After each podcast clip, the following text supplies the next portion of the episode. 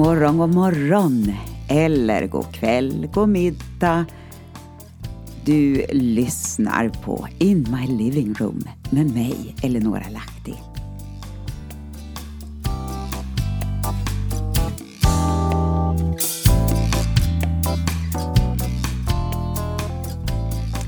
Ja, det är alltid så spännande att starta upp ett nytt program. Jag känner liksom, hmm, vad händer nu? Vad kommer det att bli för något idag?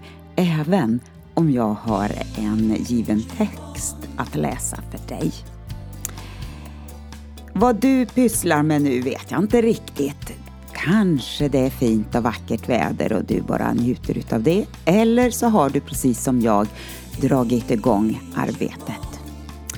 Och jag är ju lärare och jobbar i skolan med tonåringar, med matematik och kemi. Och det är ett och annat att ta tag i, särskilt så här i början på en termin.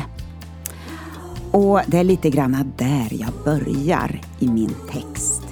Och vi har väl alla gått i skolan, eller hur? Och jag vet inte hur din skolgång var. Och när du reflekterar bakåt, vad var det för något som var bra? Vad var det för något som blev fel? Ja, alla har vi väl erfarenheter och även åsikter om det här med skola. Men det är inte riktigt bara det jag har tänkt att prata om idag. Utan allt vi gör, det måste ha med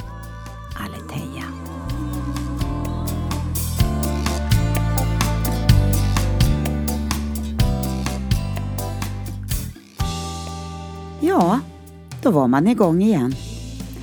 Några dagar innan elevernas skolstart så börjar vi lärare.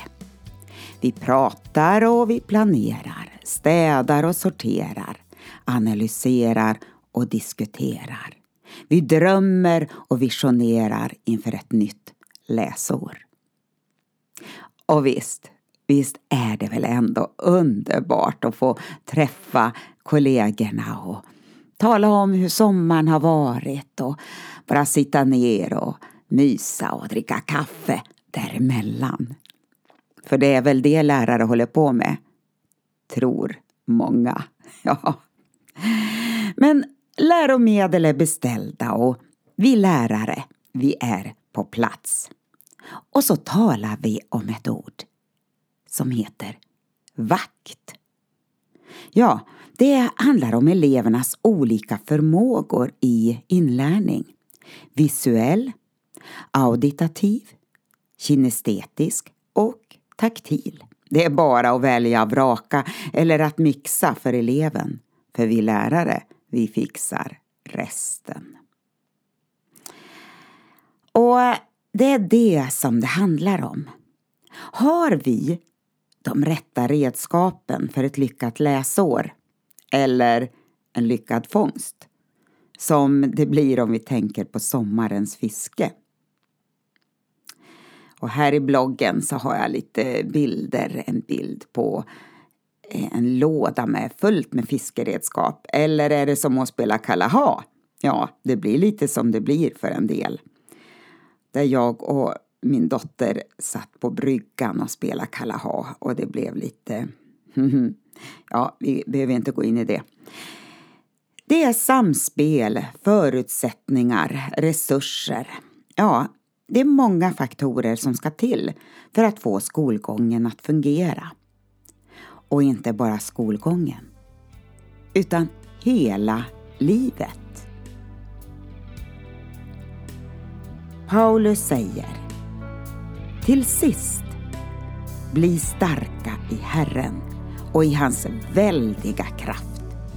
Ta på er hela vapenrustningen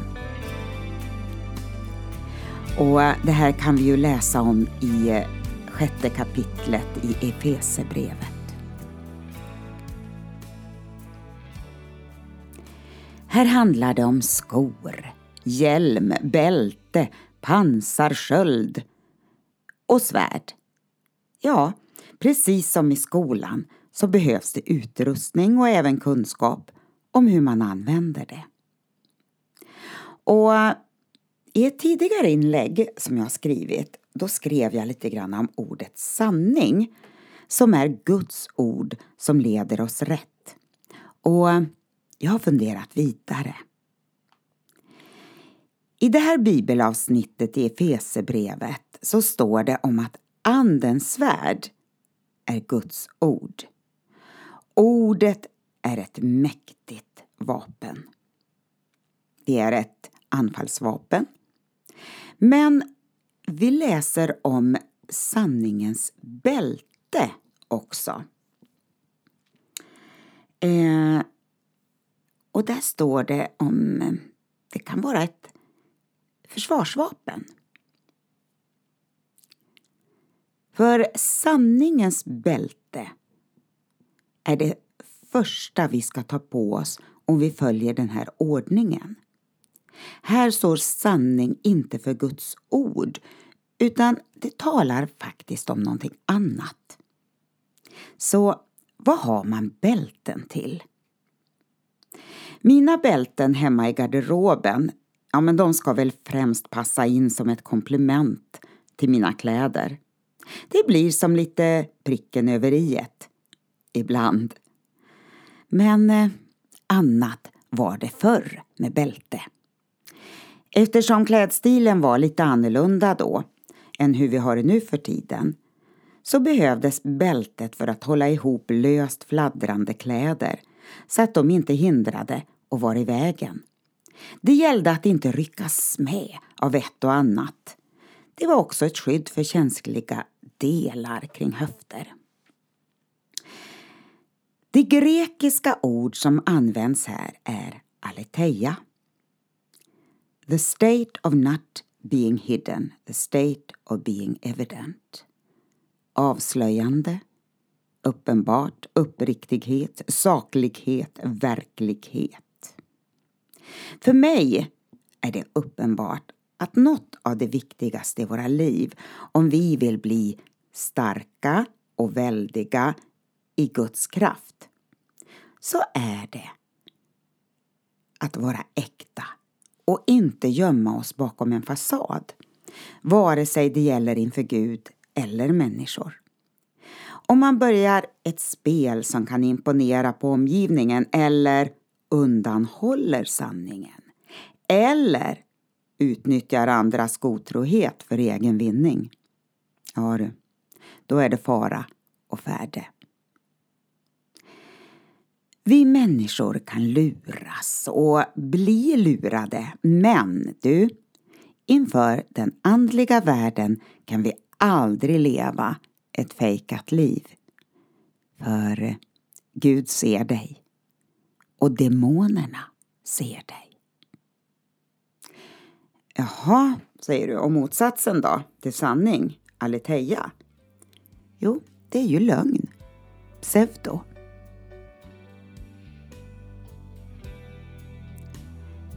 Inte har jag skrivit till er därför att ni saknat insikt i sanningen, utan därför att ni känner den och vet att ingen lögn kommer från sanningen. Första Johannes brev 2 och 21.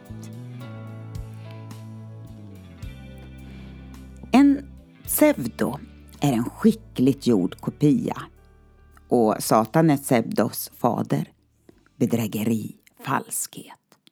Ja, det är något som inte är vad det ser ut att vara. Använd kunskapen du har i sanningen mot lögnen. Men om man nu inte använder sanningens bälte, vad händer då? Jaha du. Mm. Spekulationer, misstänksamhet, oro och mycket annat dyker upp hos andra i kölvattnet. Till och med försök att lägga pussel av märkliga bitar är något man hänger sig åt. Man vill försöka förstå vad som döljer sig där, bakom fasaden. När frågor inte får svar eller möjligtvis luddiga svar. Mm -hmm. Är det konstigt på något sätt? Jo, jag hör dina argument mot. Människor med onda avsikter som själva tummar på sanningen och rätten som hänger sig till förtal och dylikt.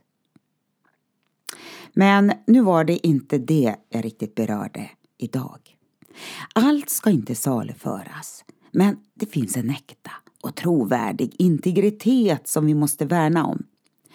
Jag vet att vi är sårbara och måste ta en bit i taget. Men du, släpp aldrig sanningens bälte. Vårt skydd inför den onda andliga världen är en sann, äkta uppriktighet. Och vår väg till att bli starka och väldiga i Guds kraft är att ta på oss sanningens bälte. Sanningen är en oövervinnlig kraft. Och eh, det vi lärde oss som barn måste vi hålla tag i. Vi fuskar inte när vi spelar spel. Och nu, nu är livets spel. Så, vem får sista ordet? Som ett av spelen heter, som vi spelar här hemma.